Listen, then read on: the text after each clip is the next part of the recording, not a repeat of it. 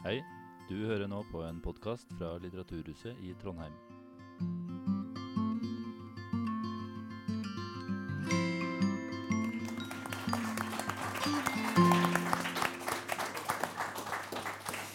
Se for deg at du er lastebilsjåfør. Du sitter i en doning som kan være opptil 20 meter eh, og veie opptil 39 tonn. Rundt deg så er det masse folk som går, de sykler, de bruker elsparkesykler, busser og biler osv. Du skal frakte gods midt i sentrum av en by. Hvor godt ser du rundt deg til enhver tid? Hvert år så dør folk i trafikken som følge av blindsona til disse fartøyene. Og trenger vi absolutt disse store fartøyene midt inne der folk flest ferdes? Kunne vi gjort det slik eh, de gjør det i f.eks. Amsterdam eller i London, der de hindrer slik ferdsel, eller bygger om lastebilene slik at de får bedre sikt? Hjertelig velkommen skal du være her til Litteraturhuset i Trondheim, og til deg som lytter i NRK P2, eller hører på dette her også i opptak i podkast. Jeg heter Øyvind André Haram og skal være med deg her i dag for å sette lastebilenes blindsone på dagsorden. Og da har jeg en glede å ha med meg Roar Melum, som er regionsjef her i Midt for Norges Lastebileierforbund. Vi har med oss Bodil Rønning Dreyer, som er direktør divisjon trafikant og kjøretøy i Statens vegvesen. Og til slutt, eh, og ikke minst, så har vi med oss samferdselsjournalist og spaltist i Morgenbladet, Ulrik Eriksen. Jeg syns vi kan gi deg en, en ekstra applaus.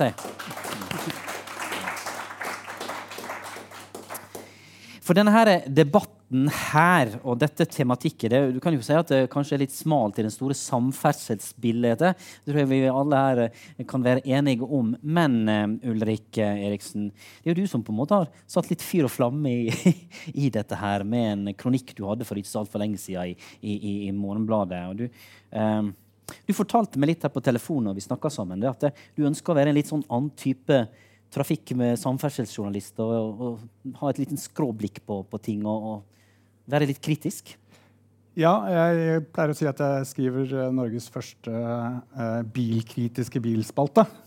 Uh, og det er jo på mange måter litt Ja, det tror jeg faktisk det er. og det sier jo egentlig alt. vi har en Eh, dekning av eh, problemstillinger knyttet til biltransport og eh, trans, transport generelt, men særlig med bil hvor, som er veldig bilfokusert, og som er, tar utgangspunkt i at bilen er her, og at den skal være her, og at det er en, et gode for samfunnet. Uh, og på mange måter så kan man si at selvfølgelig bilen er et gode, men i en by så fungerer bilen veldig dårlig. Og lastebiler også. Uh, så det er på mange måter mitt utgangspunkt. å prøve å se på hvilken måte eh, preger bilen byene våre. Mm. Eh, og hvordan gjør det det vanskelig for eh, gående, syklende og, og for kollektivtransporten. Mm. Eh, ta helt sånn, bare sånn kjapt uh, Hvorfor akkurat blindsonene til lastebilene? Da, det er noe jeg har vært opptatt av lenge. Også fordi det, det, virker som det er så voldsom tafatthet når det kommer til reguleringen av det i Norge. Uh, andre land så er, har det faktisk kommet ganske langt. Altså London har jo gått foran et veldig godt eksempel og har innført nå fra i fjor eh, ganske strenge regler som de kommer til å implementere sånn gradvis oppover. Vi skal komme litt tilbake til det. Eh, men, men eh, Norge, som på en måte går for, mener skal være et uh, foregangsland når det kommer til trafikksikkerhet, har på en måte ikke noen klare altså Det eneste svaret de har på blindsoner, er fotgjengere og syklister. Dere må passe dere. Eh, eller det er det viktigste de har å kommunisere. Eh, og det syns jeg er eh, å dytte på måte, ansvaret over på offeret. Og det er problematisk, syns jeg. Og det er på en måte mitt utgangspunkt. Og, og helt, altså, utgangspunktet for akkurat den kronikken jeg skrev, mm. det var jo en, dødsulykke da, som skjedde midt i byen. En 50 år gammel syklist som ble kjørt rett ned av en lastebil. Mm. Bodil Rønning Dreyer, det er greit å klarlegge litt i starten her. Statens vegvesen, hva roller dere har i forhold til denne aktuelle problemstillinga? Det kan være greit å bare klarlegge helt i starten her. Ja, Som eh, direktør for trafikant- og kjøretøydivisjonen så er mitt ansvarsområde knyttet til kjøretøyregelverket og godkjenning og registrering av kjøretøy i Norge. Og også trafikkopplæring og førerkortregelverket. Så jeg har ikke ansvar for arealreguleringsregelverket, som jeg uh, mener at artikkelen til uh, Ulriksen er veldig adressert i forhold til. Men jeg skal prøve å svare på de tingene som vi kan svare på. Jeg tror vi skal stille flere spørsmål etter hvert, ja. så vi, skal, vi, kan komme tilbake til det. Men vær så god. Så, eh, og da i forhold til at eh, Norge har, internasjonale forpliktelser i forhold til kjøretøyregelverket. Vi skal godkjenne det regelverket som eh, FN og EU godkjenner. Og er forpliktet i forhold til det og kan ikke stille strengere krav. Men vi har typegodkjenningsregelverk, men så har det også mulig for transportørene å få bygget om kjøretøyene. Og da må de ha en ny type godkjenning. Eh, og eh, den godkjenningen må være Vi må ha en sikkerhet på at eh, de ikke reduserer sikkerhetskravene som ligger i kjøretøygodkjenningen som opprinnelig er der. Mm.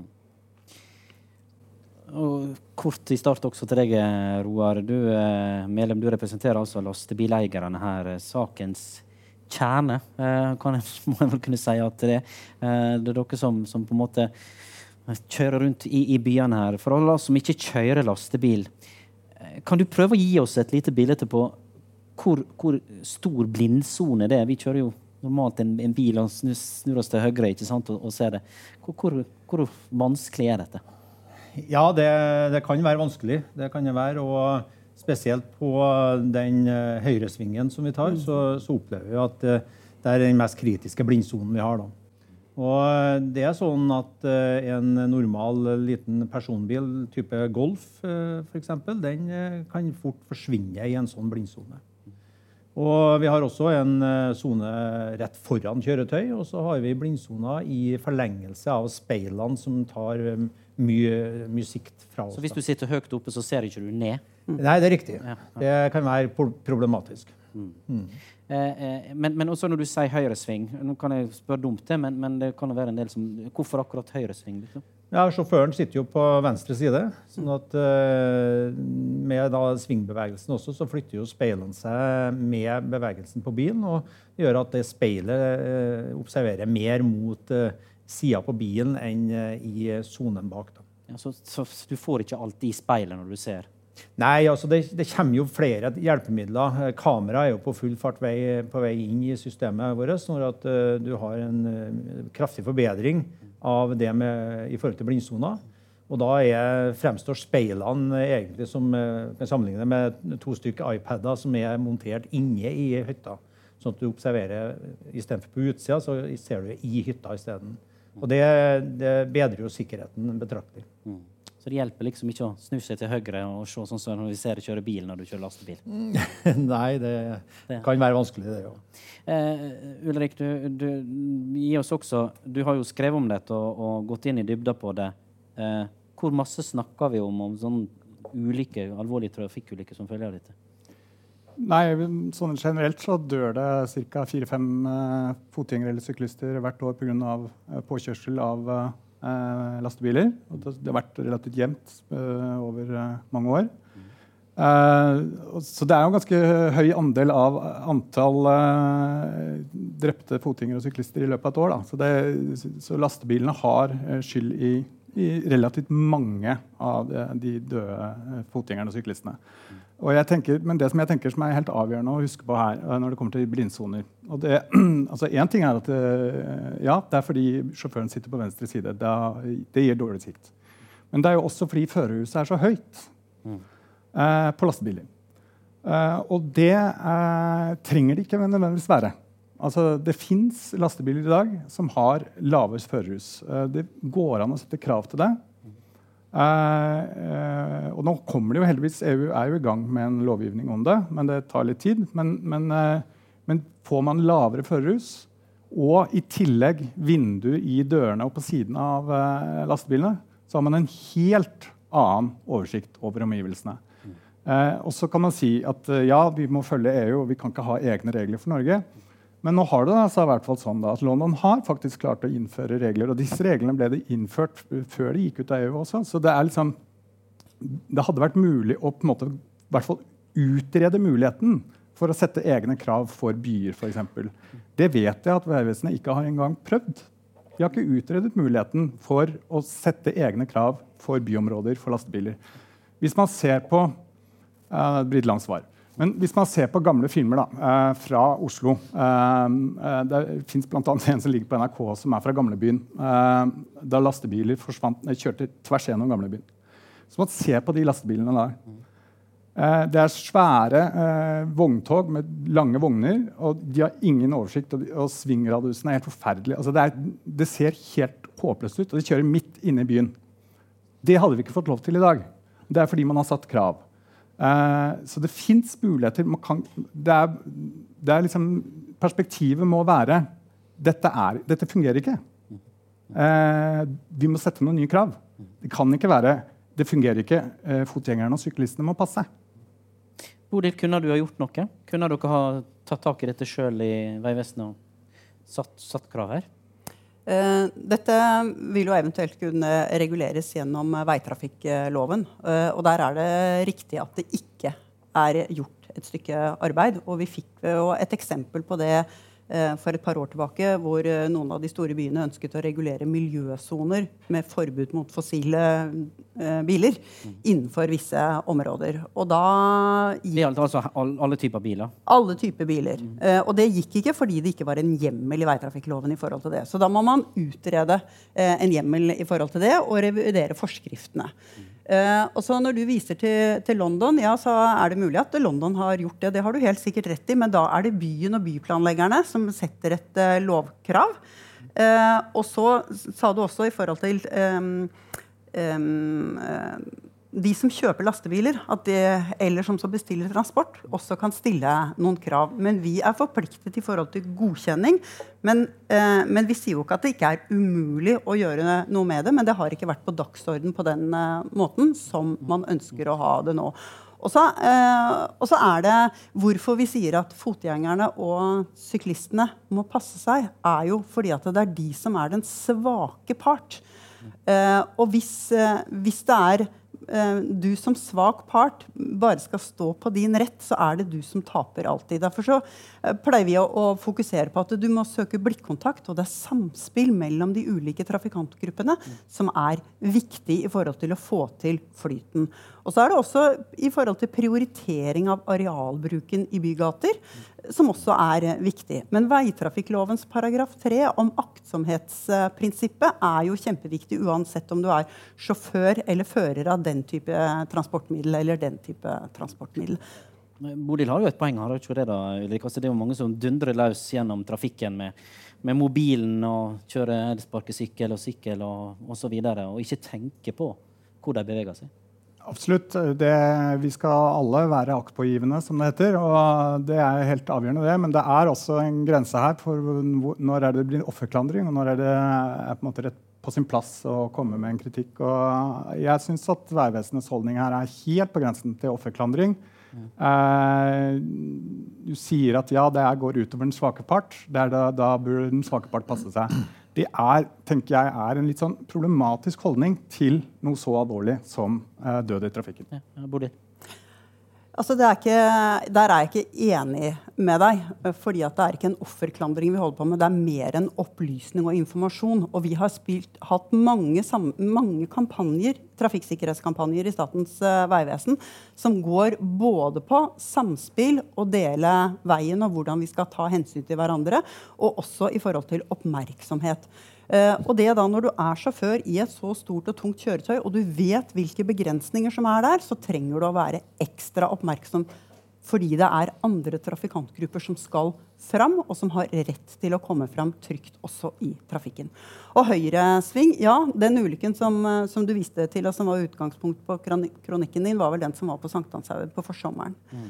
Uh, og det er tragisk når sånne ulykker skjer. Det, det syns jo vi hver eneste gang. Og jeg får SMS inn på telefonen min hver gang det skjer en trafikkulykke. Og hver gang det er en dødsulykke. Uh, og, det, og jeg syns det er like vondt hver eneste, eneste gang. Men, vi, men er ikke, uh, jeg er ikke helt sikker på om vi klarer å regulere oss ut av alt. Vi må skjønne også hvordan samspillet må fungere for at vi skal kunne ferdes trygt. Roar? Ja, jeg er helt enig med, med Bodil her. og Det er klart det er ingen yrkessjåfører eh, som, eh, som, ønsker å være eh, trus, en trusselsituasjon i, i, trafikken. Man ønsker å komme hjem hver dag fra jobb og, og vite at man har gjort en, en ansvarlig transport. Eh, og eh, det er klart det er tragiske hendelser på Sankthanshaugen. Eh, vi skal ikke gå nærmere inn på den. men det er også viktig her, å vise til at av alle sykkelulykker, i hvert fall av dem som er registrert, så ser det konflikt med bil utgjør ca. bare 13% av antall hendelser.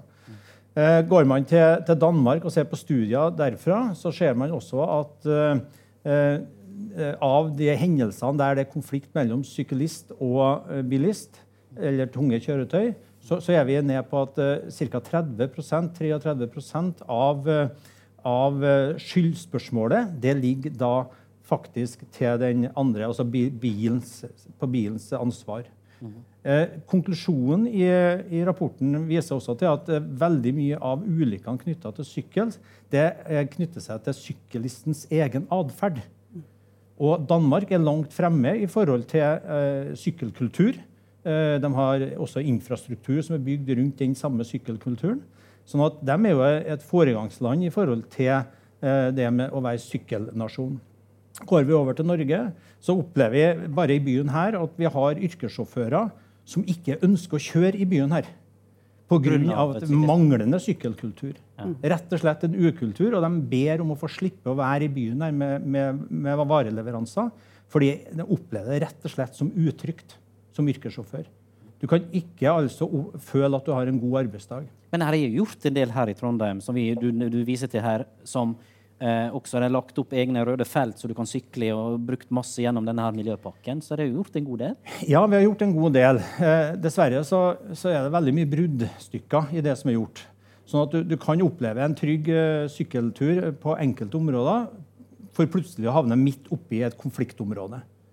Uh, det gjør at uh, du får en følelse av at som syklist eh, så er det mange som opererer både som syklende, kjørende og fotgjenger.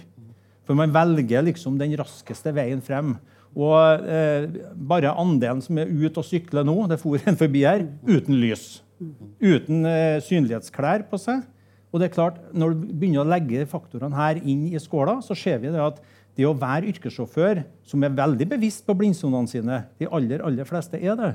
Men, men når da eh, de her faktorene spiller inn samtidig, så blir det for mange en veldig, veldig krevende arbeidsdag det. Bare for å ta det helt kort, Ulrik. Er ikke det en, litt et poeng at i Norge, hvis du ser på det, hvis du drar til Amsterdam eller Danmark, sant, så har jo alle på lys på sykkelen sin og signaliserer med høyrehånda osv. Mens i Norge det, det er en god del som ikke kan dette her, å sykle i trafikken. Nei, det tror jeg ikke helt stemmer, men uh, det kan godt hende. Altså, det der med trafikkultur og syklistkultur og sånne ting det, Vi har sikkert mye å lære av København, som har holdt på med sykling i en helt annen målestokk enn vi har gjort i Norge. Uh, og det er sikkert mye å hente på, på måte, hvordan vi forholder oss til det som enkeltpersoner. Men, men, er, men, hvis vi begynner å snakke om måte, trafikkulturen som det viktige og det sentrale her, så, det, så er vi igjen liksom inn i en litt sånn eh, og, og, sånn vil jo selvfølgelig bil. De som kjører bil, vil jo helst at vi skal snakke om trafikkultur og ikke snakke om regler og ikke snakke om, eller ikke snakke om reguleringer og ikke snakke om uh, de politiske store problemstillingene her. For med en gang du gjør det til en trafikkulturgreie, så er det holdninger det er snakk om. Uh, og personlig ansvar. Istedenfor at det har noe med reguleringer har noe med hvordan vi måte, former byene våre og begrense bilbruk i byen. Eh, setter begrensninger for hvor man kan kjøre lastebiler. Hvilke typer lastebiler man har mulighet til å kjøre inn i byen. For eksempel. det er ikke sånn at eh, for Midtbyen da, det er ikke det helt, helt selvsagt at alle typer lastebiler skal kunne kjøre inn i Midtbyen. Eh, kanskje kunne man ha endret på det. Det ville kostet penger. Helt klart. Det ville vært en fordyrende element og gjort det klundrete for bransjen. Absolutt. Men det gjort, ville gitt en tryggere by. Mm. Roar? Ja, det, det, det, er interessant at eh, du, du, bringer opp det der. for at Eh, fra vår side så har vi vært delaktig i byutvikling og, og det som skjer, eh, ikke bare i Trondheim, men også i andre store byer i Norge. Eh, og, og, det er jo nettopp dette her diskusjonene vi hele tida havner i, eh, knytta til hvordan skal bylogistikken fungere når vi skal fortette norske byer. Flere mennesker skal inn, flere varer og tjenester skal ut og inn av de samme byene. Og hvordan skal vi løse det? Mange tar til orde for at det, vi putter det over på, på, varesykler, og noen skal ha det på varebiler. Men, men også, til syvende og sist så handler det om areal tilgjengelig for å operere innenfor den eh, fortetta byen. Og eh, enkelt sagt, En distribusjonsbil kan jo erstatte med 19 varebiler, bare for å ta et sånt bilde på det. Det er ikke areal igjen til å drive kollektivtransport hvis du skal holde på med det her. Så, så, jeg er helt enig, Vi må ta noen sånne grunnleggende politiske prioriteringer knytta til det. Hvilken eh, felles målsetting skal vi ha i forhold til fremtidens bylogistikk? Det kan godt være at bilen skal ut av byen. Men da må vi være tydelige på å si at det er sånn det er. Og så får vi jobbe mot løsninger som gjør at vi klarer å forsyne den samme byen på en annen måte. Og det er fair. Men så lenge vi er, opererer i dag, så er det i dag vi må forholde oss til både politiske avgjørelser og ikke minst areal byplanleggere som sitter her. Og det, det er det som er fakta. Og det er det vi må angripe i dag. Og vi som næring vi, vi investerer ut ifra de bestillingene som vi får ut ifra det. Eh, apropos det med, med, med, biler som har lavere førerhytte og, og mer vindu på sida osv. Ja, og så går du til Nederland, så fremstilles det som en sånn eh, sykkelnasjon. Ja, det er riktig, det. Men Amsterdam er faktisk den verste byen i Nederland å sykle i. Og der har de jo nettopp innført det kravet til de bilene som det vises til her. Og Det har noe med sammenhengen med altså volumet, antall syklister og infrastrukturen i det hele som blir pressa, og, og, og, da oppstår også konfliktene. Eh, jeg skal bare minne til deg som sitter og lytter til eh, det vi snakker om her, at vi snakker altså om lastebilenes dødelige blindesone. Du lytter til NRK P2, og der altså dagens tema handler om hvordan vi kan prøve å eh, redusere antallet ulykker i, i den eh, sammenheng. Bodil eh, eh, Rønning Dreyer, du, du, ba om replikk her. som du skal få... Ja, fordi jeg har lyst til å støtte litt opp under det Roar sier i forhold til arealprioriteringene mm. I byområder. Og hvordan vi bruker de instituttene som vel ligger der i forhold til å regulere bruken av gatearealet. Eh, og, eller kanskje vi skal si at eh, manglende bruk av regulering. For man søker å prioritere alle trafikantgrupper samtidig i det samme gateløpet. Og da blir det ikke plass til noen. Da er det ingen som får det bra. Uh, og det å ha både kollektivtrafikk og bil og varelevering og gang og sykkel i samme, samme gateløp, da skjer det litt for mye. Og så er vi avhengig av at for at samspillet skal skje på en god måte mellom alle disse trafikantgruppene, så må alle følge reglene.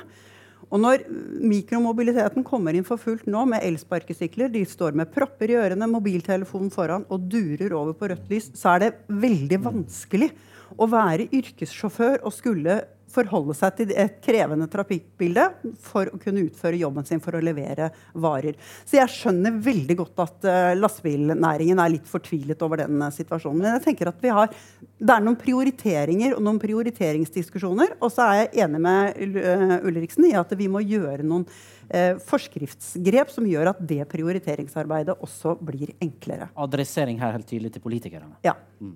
Ulrik? Ja, nei, jeg tenkte på dette her med antallet syklister og antallet myke trafikanter. Og vi, skal jo, vi har et nullvekstmål i Norge i for byene, de største byene.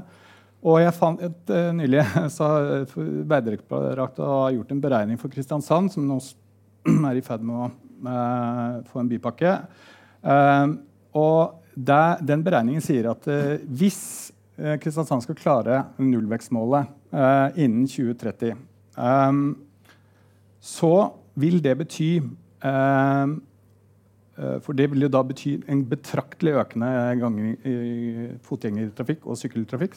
Så vil det bety en dobling i antall drepte gående og syklende i Kristiansand. Uh, og der ligger en utfordring. Fordi at, uh, vi vil jo ha et nullvekstmål. Det, er, det, tror jeg de fleste i Norge vil, bortsett fra noen få. Men vi vil ikke ha en økning i antall gående og syklende drepte. Uh, så her er en utfordring. Og jeg tror at hvis vi tenker at det skal løses med trafikkultur og at uh, mikromobilitetsbrukere ikke har uh, øretelefoner, uh, så tror jeg man er litt på ville veier. Det kan godt hende at det noe Det kan godt spille inn. Men det som blir helt avgjørende, er fartsgrensene i byen og måter å regulere biltrafikken på. Tror du med andre ord at det, det blir mye mindre trafikk og biler, og, og det blir mer gående uh, og myke, ja, myke du, trafikanter men, i biler? I men, men, problemet er jo sant, at vi trenger jo lastebilene. Uh, altså Personbilbruken trenger vi ikke så noe særlig grad, men, men lastebilene trenger vi. Uh, frem, vi må vi ha frem varene. Så hvordan skal vi klare å kombinere det? Og da må vi ha klarere regler for hvordan vi bruker lastebil. La oss komme litt inn på det, for dere nevnte jo det begge to her, eh, eller alle tre her eh, i, i starten. og var inne på litt ulike eksempler som har vært ute i Europa. Eh, og Der er to ting som jeg tenkte at vi kan bore liten grann inn i. Eh, først dette om London, der en har endra type lastebiler. Eh, nei, nei, han har, har forbudt dem å komme inn. sånn sett. Det, um, du var så vidt inne på det her i, i, i stad, Roar. Altså, hvis du skal altså, eh, I mange bransjer er det sånn at vi laster jo om masse av godset vårt. Vi kjører til en hub gjerne utafor, og så laster vi om, og så distribuerer vi. Kunne ikke vi hatt en annen type bil der som da var mindre, og som kunne være lettere å ferdes inn i, i byene? da? Ja da, og eh, det er, jo, det er, jo, litt av det som på en måte har prøvd å spille inn også i, eh, i arbeidet knytta til det som skjer f.eks. her i Trondheim. Og, og, da med fremtidig bylogistikk. Og, og eh, har jo utfordra også politisk på det at eh, når man, ser man de første vedtakene som på en måte begrenser eh, logistikken, altså geografisk knytta til en bykjerne? Eksempelvis at Trondheim sentrum, der skal det ikke eh, inn eh, eh alle de bilene vi ser i dag. Mm. vi kan se for oss at man går ut og så legger man ut på anbud det med å drive bylogistikken, altså bydistribusjon. da. Og at det går da til aktører som konkurrerer om det anbudet. Og så leveres alt inn eh, og ut av byen til huber som ligger eh, plassert på utsida. Og så kan man da stille mye tøffere krav både til miljø og ikke minst type kjøretøy i forhold til å utføre den bylogistikken. Dette er dere også med på i lastebiler? Ja, jeg syns det er tanker. Vi må, vi må, være med å snu de steinene. For, fordi at, uh, vi ser jo det i dag, selv med et nullvekstmål. Eh, så, så, ser vi jo at uh, det blir så kritisk med areal innenfor et fortetta bysentrum at vi er nødt til å tenke helt nytt. Og lærer vi, lærer vi av flyindustrien, så ser vi jo at eh, vi kan jo putte, altså, altså putte det i containere, som vi også har på, på kjøretøy. Og så kan jo da alltid bilene kjøre fullasta. I den forstand at Går en container med diverse varer ut, så, så kan søpla gå inn, sånn at du hele tida har fullt utlasta bil. Altså Tenke litt utafor boksen og, og, se hvordan vi skal få til det her sammen. Fordi at Vi er jo ikke tjent med å, å, å være i konflikt med hverandre rundt det her. Vi må løse det sammen. Da, for da vil dine medlemmer si ja til å kjøre også i byen, da, hvis de har mindre kjøretøy å komme inn med? Ja, det er klart det at det, det, handler om arbeidsdagen til de sjåførene som skal betjene byens befolkning. Og, og det å oppleve at uh, sjåfører ikke ønsker å, å, å, betjene byen med sitt kjøretøy, det, det er sårt. Det, det, skal ikke være sånn. Du skal trives i byen også som sjåfør. Du er kanskje beboer du i samme byen, og du er sykler i byen med familien din i, på fritida di, og så du elsker byen din. Og, og, da er det tøft å på en måte ikke trives i den på arbeid. Og folk flytter jo inn til byene i stadig større grad, så det er klart ja. det blir, blir flere. Og vekst i de fleste. Bodil? Ja, for, eh, Veldig gode poenger det Roar har. For Hvis du etablerer eh, sånne huber, og du gjør bestilling i forhold til transportlogistikken i by, og noen er oppdragsgiver, så kan de stille krav til hvilke type transportmidler er det du skal bruke. Uh, og, og, hva er viktig for oss. Men, men, det som jeg opplever har vært veldig mye diskusjon i Norge, er at du skal, altså det å omlaste er et hinder og et fordyrende ledd. Så det skal vi helst ikke holde på med. Så Derfor så blir de store kjøretøyene som kan ta mest mulig gods, de skal kjøre helt fram til leverandørpunktet. Og det er gjerne inn, inn, i sentrum.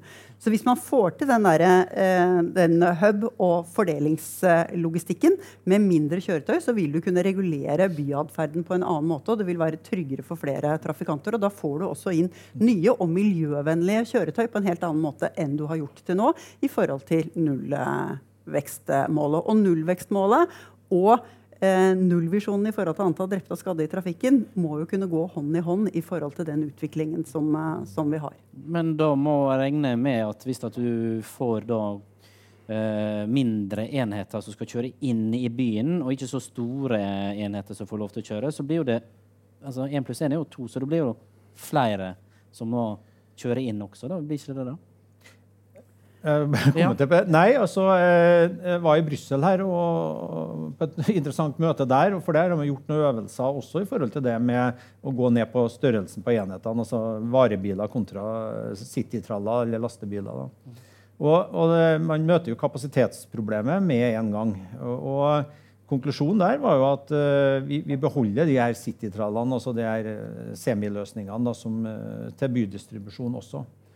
Men det er klart at hvis vi ser, følger det tankesettet som jeg snakka om i sted, her nå, så, så kan man jo se for seg at også det å frigjøre kapasitet, også det å utnytte kapasiteten da med å støffe bilene på en bedre måte, så vil jo det i seg sjøl være et godt virkemiddel for å uh, redusere veksten også i lastebiler inn i byen.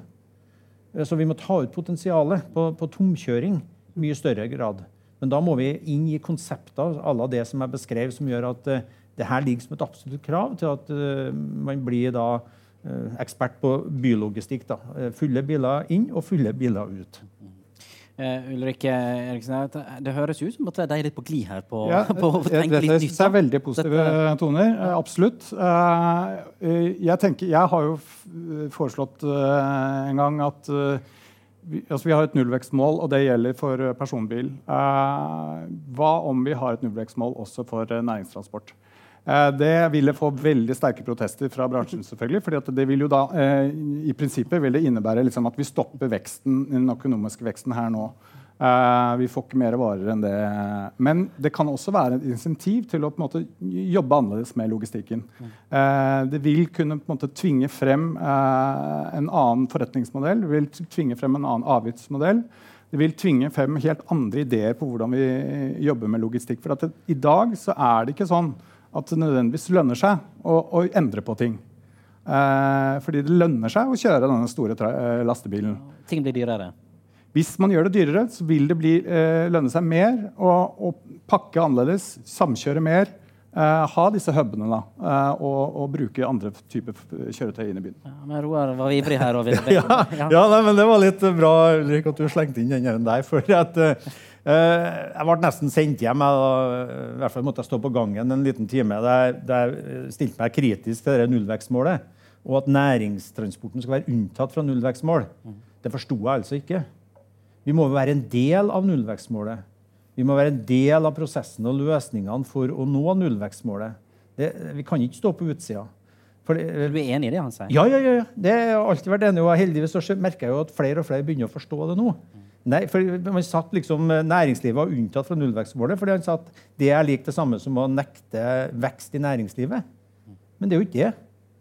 Det trenger ikke å være det. Vi må bare tenke nytt. Vi må bare løse det på en annen måte. Og den modellen vi viste til i sted, det er jo en annen måte å gjøre det på. Og for oss som er logistikkere og transportører, så, så er jo det absolutt et, et marked vi kan konkurrere i. I dag opplever vi at transportører trekker seg ut av byen fordi at de vil ikke være der. Skjer dette nå, da? Altså, det, det, opplever du Ulrikke, at dette skjer som, som han sier? At eh, Er det ting som er på gang i norske byer? Eh, politisk absolutt ikke. Eh, altså selvfølgelig i nå er det kritikken til politikerne du Nei, altså, ja, det er både til politikere, men også til Statens vegvesen, som på ingen måte går inn i noen bresjen her. Eh, ikke det at de, de må jo ta, ta noen politiske signaler og få dem, men De er eh, jo byråkrater. ikke ja, de kunne kommet med noen råd om dette. her. Eh, det har ikke skjedd. Eh, men det er helt klart at hvis det skal virkelig skje noe, så er det de politikerne som må, må gå foran og, og sette noen krav og sette noen ønsker og komme med ønsker om endringer innenfor eh, transport- og logistikkbransjen. Bodil eh, Rønning Dreyer, du har vel litt makt, da, selv om du er byråkrat? Du kan vel komme med litt gode råd til politikerne? kan ikke du det? Eh, jo da, så absolutt så kan vi, kan vi gjøre det. Men jeg har bare lyst til å minne om at eh, nasjonal, nå er vi i startgropa på neste nasjonal transportplan. Eh, og der kan vi gå inn og gjøre noen typer reguleringer, men også i forhold til at det er en politisk eh, plan som transport, eh, eh, transportgrenene fremmer for politikerne. Men så er det en politisk behandling til syvende og sist. Men for to transportplaner siden ikke den som vi er inne i nå, men den som var forrige gang, altså for åtte år siden, så, så ble det lagt et mål om at, eh, at det ikke skulle skje vekst på næringstransporten eh, i forhold til tunge kjøretøy, men den vare- og godstransporten skulle tas på bane. Har det skjedd, da? Nei. Hvorfor ikke? Det har ikke skjedd. Det, ble, det, det gikk heller nedover på bane, og det steg voldsomt i forhold til veitrafikken. Fordi vi ikke har prioritert bane. Ja, det kan være flere. Men det er bl.a. den der omlastingsproblematikken. At det er fordyrende å ikke kjøre fra A til Å, men å kjøre fra A til B, og fra B til C og fra C til D. Eller fra A til F, også fra F til Å. Eh, Så det er en sånn vilje. Og så tror jeg at det, kanskje det målet kom litt for tidlig. At man er mer moden nå i forhold til å kunne ta den type beslutninger eller prioriteringer som er viktig. Og så tror jeg vi skal også ta med oss at eh, det, siden eh, de siste åtte årene så har det skjedd noe i forhold til eh, folks atferd og hvordan vi handler varer og tjenester. Bare tenk på alle varene som bestilles på nett, og som bringes hjem til døra di. Er det et godt utviklingstrekk i forhold til transportlogistikk i byområden? Eller ikke? Du merker vel du eh, Oi, ja. Mangel på transportører, eh, på folk som kan kjøre gods, det har jeg hørt en del om i det siste. Ja, det, det blir jo eh, Altså, vi merker det veldig, gjør vi. Og det, det klart det øker jo etterspørselen på, på sjåfører og kjøretøy for å betjene da, den, de forventningene som vi som kunder har. Eh, det ene er at vi bestiller. Det andre er at vi bestiller gjerne tre av samme sak for å finne ut hvilken av de tre som passer. Fordi at returen er også gratis. Så, så alt dette her genererer jo noe ekstremt med transport. Og eh, jeg er ikke sikker på at vi liker den utviklinga, fordi at veldig mye av den transporten her er også forbundet med uregulert eh, varetransporter. Det er varebiler, det er mye som går i forhold til også sosial dumping og eh, transportkriminalitet knytta til det markedet her. Det er ikke regulert, ikke eh, under eh, god kontroll i dag. Kan ikke vi ta noe grep der sjøl? Jo, danskene har innført eh, løyveplikt nå på varebiltransport. og det, det, Forhåpentligvis så skjer det også etter hvert i Norge. Men, eh, men her er en utvikling vi eh, er kritisk til. eh, Og vi imøteser eh, at norske myndigheter også iverksetter tiltak der.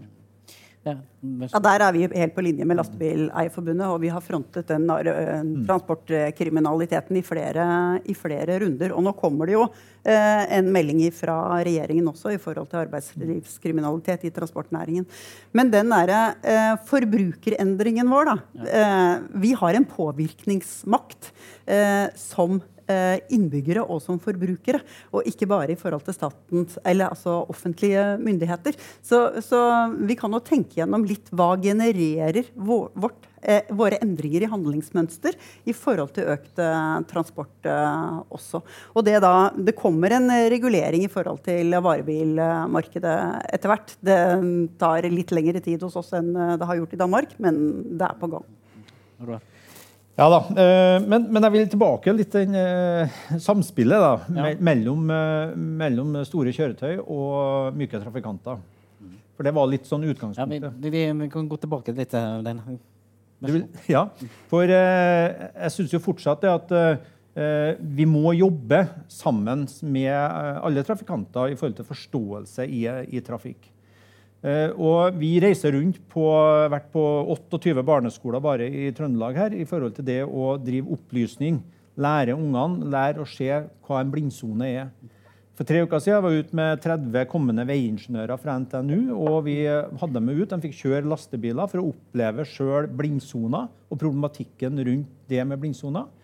Nettopp fordi at de skal ha med seg den referansen ned på tegnebordet når de skal planlegge neste veikryss og neste veistubb. For da har man også en referanse som er viktig i forhold til at man planlegger også mest mulig eh, riktig vei for å unngå konflikter i fremtida.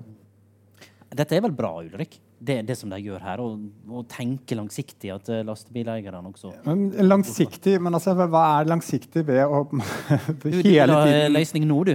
Nei, altså jeg vil, ha, jeg, vil bare, jeg vil ha fokus vekk fra at man uh, informerer barn om at de ikke skal stå i blindsonen, til å på en måte eh, ta vekk blindsonen. Eh, det er det jeg vil. Eh, Ja. Når, når du drar med en eh, flokk med barnehagebarn eh, til en lastebil, og så sier du 'jøss, så høyt det er', eh, som er en sånn eh, varsko-greie eh, De sitter jo der oppe. Det er helt umulig å se ned. Eh, få dem ned, da. Få sjåføren ned. Ja, men la oss snakke litt om Bruk det, nå da. Bruk ressursene til det. gå, eh, gå inn på det, Kan dere ikke liksom, og så, så sier vi ja, vi må følge EU-reglementet, men det, disse lastebilene fins. Det går an å kjøpe dem. Gjør det. Det det. Eh, For de som eh, lurer på hva, hva, du lytter til akkurat nå, så er det NRK P2 som eh, du, du har skrudd inn radioen din på. Og det er tematikken i debatten her i Litteraturhuset i Trondheim er lastebilenes dødelige blindsone. Og akkurat nå så toucher vi inn på er det mulig å faktisk gjøre noe med selve lastebilene og bygge dem om. Ulrik, eh, her som du, som du er inne på. Roar, her er en klar ting. Kan du eh, si til eh, dine eiere at kjøp litt andre type biler, da? Begynne å gjøre om ting. Fins det? Han sier det fins. Ja, altså det, det er åpenbart at det finnes uh, biler med en annen utforming. Uh, og vi trenger, Oslo har jo eh, biler med lavere førerhytte, og, så, så det finnes jo. Uh, nå skal vi huske at Markedet i Norge er én dags produksjon på de fleste bilfabrikker i verden. sånn at vi er ikke dem som setter standarden i forhold til hvordan produksjonslinjene skal være i, i fabrikkene. Men, men det er klart, dette her handler om at vi gjør ikke ting for vi må gjøre. altså, vi menneskene er ofte innretta sånn. Og det er derfor jeg etterlyser som var innom her i sted, at vi må være tydelige på de politiske bestillingene her, sånn at det blir en tydelighet. For vi er jo en gavepakke vi, for, eh, for eh, omstilling. Fordi at investeringene våre er i et så kort tidsperspektiv at hvis vi får de riktige vedtakene, så vi, går vi og bestiller de riktige bilene i morgen. vi. Og det er jo fort gjort hvis det, det er et krav. Men hvis, det, hvis ingen etterspørrer den investeringa vi gjør, som da nødvendigvis blir dyrere i og med at det ikke er en masseproduksjon i dag Ja vel, hvis ingen etterspør det, så er det ingen som kan drive et uh, selskap med, med røde tall fordi at det var en riktig bil. Ja, Vi er jo inne i en prosess nå hvor eh, lastebilene skal elektrifiseres. Så det legges jo inn masse forskjellige gulrøtter for at dette skal skje. Og, og også noen pisker for å måte, få folk vekk fra diesel. Eh, og det, innenfor et sånt regime så hadde det også vært mulig å innføre uh, krav til lastebilene. Kanskje du kunne man fått noen gulrøtter ved uh, hvis du hadde en lavt førerhus, at du hadde lavere passering i bomringen. Det krever politiske endringer. Det krever endringer av alle mulige slags lover. Men det er gjennomførbart. Er det mulig også i forhold til lov, lover og regelverk å endre på ting der og, og komme inn og, og, og si det, Bodil? Altså Vi som statlig myndighet og Norge som et lite land, eh, vi kan være med å påvirke eh, de vedtakene som EU fatter, men vi trenger å bygge allianser med de riktige medlemsnasjonene eh, for å få gjennomslag for, eh, for våre synspunkter. Ja. Da vil jeg bare spørre, Har Norge vært en en pådriver i, med krav til lave førerhus i forhold til EU? Det kan jeg ikke svare på. Det vet jeg ikke. Det er ganske sikker på Fordi, at vi ikke har, fordi at det handler også om hvem vi representerer når vi reiser til, eh, til EU. Og det er jo det norske samfunnet og det er jo norske politikere i forhold til å fremme. Og så er det det at hvis vi skal Er vi en stille lilleputt-stat, med andre ord? Vi er lilleputt-stat. Vi har ingen egen kjøretøyproduksjon i landet. Eh, Men vi kan godkjenne ombygging av kjøretøy i forhold til det han sier. Og det er ikke noe problematisk å godkjenne de kjøretøyene som allerede finnes, for de er jo per def godkjent i Men da- Norge. Men det er, ikke, det er ikke Statens vegvesen som kan gå inn og kreve at heretter så skal alle kjøretøy type transport være av den utformingen. lov til det, altså? For det har ikke vi anledning til å gjøre. Men da må eventuelt politikerne endre på lova? Ja, da må de endre på loven i forhold til å si Og da, må vi, da, da kan det ikke være sånn at hver eh, lille medlemsbedrift i Lastebileierforbundet selv kan bestemme hvilket kjøretøy de skal kjøpe inn. Da må, de, da må det være regulert på en helt annen måte. Og det kan man gjøre gjennom å si at transport Å etablere transporthuber og noen som er ansvarlig for transporthubene, og som bestiller transport derifra og inn til byområdene. Så det må reguleres på en helt annen måte. Og, det er nok det som er gjort i både London og Amsterdam, som det, som det vises til. Roar? Ja, for så vidt. eh, Bodil eh, svarer jo på det som jeg vil kommentere her. Og det er klart at eh, Vi kjøper jo i dag med, så kjøper vi jo biler og investerer i biler som, eh, som dekker et eh, mye større behov enn bare det å være i by. For avstandene ut til huber eller Er det kombibruk, er det? Ja, det er jo kombibruk. Og, og det det det er økonomi til i en næring som har en relativt lav resultatmargin. Da. Så det er det markedet er villig til å betale i dag. Men eh, derfor, med tydelige eh, beslutninger på nye konsepter knytta til bylogistikk, så er det klart, da fremtvinger det nettopp de investeringene som Ulrik eh, peker på. Ja, Da blir jo du tvunget til med som du sier, at dere er med på denne Ja. nullvisjonstankegangen. som, som da, da må jo dere gjøre det uansett, selv om kanskje det marginene her også spiller på. Ja, også, det, er jo sånn at det er jo ikke vi som transportører som, som, som på en måte sitter igjen med sluttregninga på det her. Det er jo markedet, det er sluttbrukeren, det er kundene våre. Du kan bare skru opp, du. Ja, det, det er jo sånn det fungerer i alle næringer. Og, og det er klart at hvis det kravet kommer, så, så må jo handelsstanden, be, beboerne her i byene her, de må jo bare ta den konsekvensen.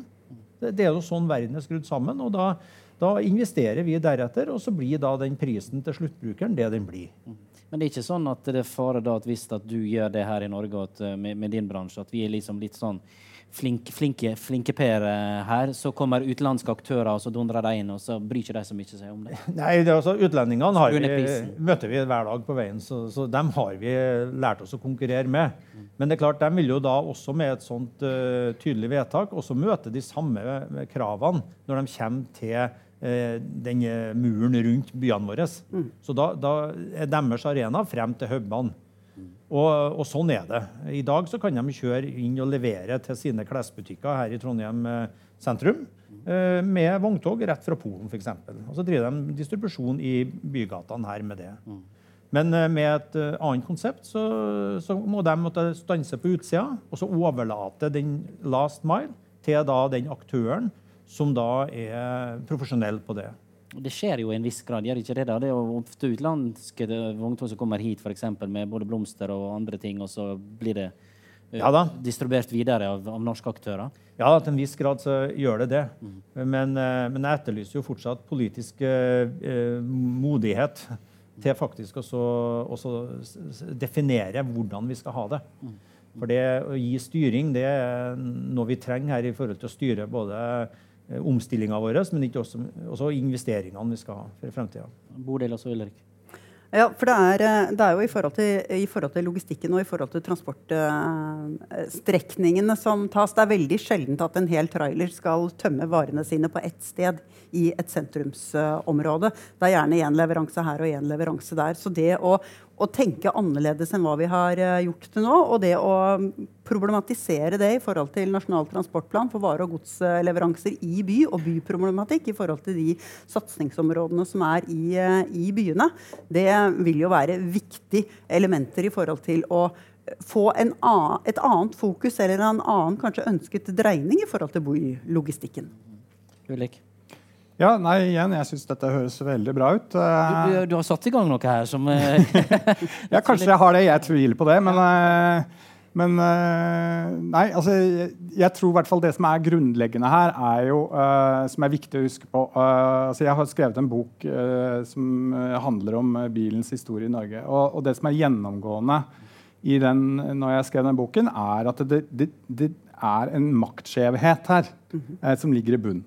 Mellom eh, bil og, og lastebil, for så vidt, da, eh, og, og andre transportformer. ja, Hvorfor er det? Fordi bilen er uh, veldig mektig. Fordi det er, eh, det er vår uh, aller mest uh, dyrebare forbruksvare. Eh, omsetter for helt enorme summer og har en anleggsbransje knyttet til seg, oljebransje knyttet til seg. Men så vil jo mange si at vi bor i et land der det, vi er nærmest avhengig av bilen med. da. Ja da, i mange steder i Norge så er vi absolutt det. Og, og det men det er jo også fordi bilen har på en måte muliggjort eh, den måten å leve på. Så det er eh, på en måte det, det, Men ingen, ingen vil vel gå tilbake til hest og kjerre? Eh, nei, men altså, jeg tror i mange byer så vil vi nok eh, helst ha byen, eh, bilen vekk. Men uansett, altså, det som er grunnleggende her, er nettopp dette maktperspektivet. At det er en stor skjevhet mellom trafikantgruppene. Og det vil gjerne ikke bilbransjen og sektoren ta inn over seg. For Det er derfor de snakker hele tiden om samspill, samarbeid, alle sånne ting, som på en måte er en, et språk som på en måte forutsetter en eller annen likestilling. Eh, men det er det ikke. Det er en klar eh, skjevhet i det, i det, faktum at hvis du er myk trafikant, så kan du dø i møte med en eh, bil eller en lastebil. Så, så, nå, så, du tror at bilbransjen her føler seg trua nå når det skjer det som skjer i forhold til byutvikling? At vi skal ha mindre trafikk og mer gågate? Og Nei, jeg tru, jeg, altså, truet og truet, men de blir nødt til å i hvert fall uh, omstille seg. Uh, de har ikke hatt uh, det, det, har ikke blitt stilt krav på samme måte før, fordi at byene har en måte akseptert at sånn er det. Vi har, altså, Statens vegvesen kom med en rapport for det er bare fire år siden som heter 'Tungt møter mykt'. eller et eller annet sånt, Som kom en av mange Statens vegvesen-rapporter om lastebiler, problematikk knyttet til, til myke trafikanter. I den rapporten ble ikke lave førerhus diskutert ett eneste sted. Og det er fire år siden. Men Var kanskje ikke så opplyst om det, da? eller? Det her hadde eksistert. Det fantes til og med modeller på, det, på markedet. Som, som var, og last, uh, Søppelbilene til Oslo var vel allerede på markedet? Nei, på, vi kjørte vel allerede rundt i gatene. Jeg vet ikke om du jobber med den rapporten? Jeg, uh, den rapporten har jeg ikke jobbet med. Men i forhold til søppelbilen i Oslo, så har de én kommunal eier. Og der er det en, et anbudssystem. Så en som kjøper en tjeneste, som kan gå inn og stille noen krav. Og det er, eh, det er en helt annen utfordring enn når hver og en kan etablere sitt, uh, sitt, firma, for da har du ikke en som kan stille krav og innkjøpsmakt på den, uh, på den måten. Men, Men det, er jo, det, er politikerne og kommunen som regulerer søppel, ja. så de kan jo stille krav de til kan, derfor, Der kan de stille krav. Men så tenker jeg også at det er jo helt riktig som du sier, Ulrik, at bilen er en stor maktfaktor. Og vi har jo latt siden 70-tallet bilen få lov å spille den maktrollen som den har, ved å gi mer og mer plass. Og Det er jo også derfor det blir veldig mye bråk i byområdene når de tar bort gateparkering til fordel for gang- og sykkelveier. Og de regulerer sånn at det skal være færre kjøretøy i sentrum, nettopp for å åpne opp for at de myke trafikantene Men vi kommer aldri til å komme unna at de myke trafikantene er myke, og at de eh, for egen sikkerhetsdel også, så er det eh, klokt at de søker blikkontakt med den som er sjåfør, for å vite at du har sett meg. Ja, nå er det en fare med elsparkesykler med, så det er ja. ikke sant. Eh, Roar? Ja da, jeg tror ikke vi skal overdrive eh, effekten av det med lave førerhytter i det bildet her. Jeg nevnte så vidt i sted det med, med Amsterdam, og, og det anses som å være den farligste byen i Nederland å være syklist. Uh, og, uh, og, der har man jo de lave førerhyttene uh, som er, er, i virksomhet. Man må også ta inn over seg det som den rapporten viser, det er at dette skyldes også den veksten med antall syklister og elspar, altså sparkesyklister i byene. Og fortetning fører til mer myke trafikanter i by. Det tror jeg alle er innforstått med. Og det er akkurat dette her med at ting skjer fort. Altså Elsykler øker hastigheten. Eh, opplever fra vår side at eh, det går mye fortere. Altså, du kan sitte i det ene øyeblikket og se til høyre og så til venstre og ha kontroll på alle hjelpemidler og alarmsystemer i en lastebil. Men det er bare et knips, så er det plutselig to syklister der. Hvor kom de fra? Mm. Og, og, og Man må ta inn over seg det at lave hytter hjelper ikke å endre på atferden til dem som er rundt en bil. Men du kan ha, du kan ha glass da på sidene, kanskje? Jo, som men, eh, Ulrik var inne på tidligere her i kveld. Men få av oss har øyne i alle retninger. Altså, vi må følge med eh, alle sidene av en bil. Det må vi gjøre. Og, og sånn er det. Det er komplekst i et uh, bybilde med masse hendelser rundt det fra masse typer trafikanter. Og det må du forholde deg til som, eh, som, sjåfør, om det er stor eller liten bil. Poenget mitt er at det fortettes altså flere eh, mennesker i, på et mindre areal, og flere som forflytter seg veldig raskt. Og det er det vi opplever. Og med mangel på eh, struktur eller kultur, sykkelkultur eller fotgjengerkultur, så har vi mye mer av dette her aktørene eh, Ofte så bruker vi sånn når vi sitter i sånne Hassid-samlinger og risikovurderer forskjellige veiløsninger, så, så bruker vi omtale som guljakkene. Mm. Uh, og De kommer rett fra Tour de France, og så skal de da gjennomføre denne øvelsen i Trondheim sentrum. Mm. Det blir farlig. Så det er noe med at vi, vi må være Men der er det myndighetene, uh, politikerne, som må være steine tøffe på å stille de kravene og være med å sette i verk uh, struktur på dette. her. Og Da må vi inn på arealplanlegging. Vi må eh, på en måte bruke pisk for å få eh, trafikantene også på den myke sida til å, å opptre som eh, ansvarlige trafikanter. Helt, helt, helt til slutt her, for eh, vi nærmer oss slutten, eh, Ulrikke. Det høres jo ut som at dere tre her fra Bodil fra Vegvesenet, Roar her fra lastebileierne og at ting er på gang? da, At vi kanskje kan at det kan bli bedre for, eh, for, for den mjuke trafikant som du forsvarer litt her også? At vi, vi, vi, blir litt bedre på dette her i Norge? Jeg tror det ikke før jeg forstår det. men uh, ut fra de tonene som er her, så, så er jeg optimist. Men, uh, men det viser seg ofte at når det kommer til reguleringer av, av disse tingene her, så er det er en tung materie. pressmidlene er, pressgruppene er ikke så veldig sterke. Uh, hvem skal på en måte stå opp uh, for de gående syklene i Norge? Det er ikke NAF, det er ikke KNA. det er ikke, uh, altså, vi, har ikke, vi mangler på en måte en politisk pressgruppe som virkelig står opp for det. Men det som er det som store som skjer nå, det er at byene blir mektigere. og de blir mye mer bevisst transportpolitikken. Så det er der den politiske utviklingen skjer. når det kommer til disse tingene, og Der kan det være mulig å få inn en pressgruppe eh, som, kan, som, kan, styre dette videre. Og Hvis du er interessert i det som, eh, som lytter eller tilhører her i Litteraturhuset i Trondheim, så, så, kan du jo helt sikkert få, få, mer innsikt i det i boka til, til eh, Ulrik eh, Eriksen, her, som har skrevet eh, bok der han utfordrer litt Grande om, om, om, synet på, på trafikk, og en, også en historisk blikk på, på norsk samferdselspolitikk der. Med det så tror jeg at vi sier tusen hjertelig takk eh, denne kvelden her fra Litteraturhuset i Trondheim, og til du som har lytta på i NRK P2. Eh, tusen hjertelig takk, eh, Ulrik Eriksen, spaltist i Morgenbladet, Bodil Rønning Dreyer i Statens vegvesen, og Roar Melum fra lastebileierne.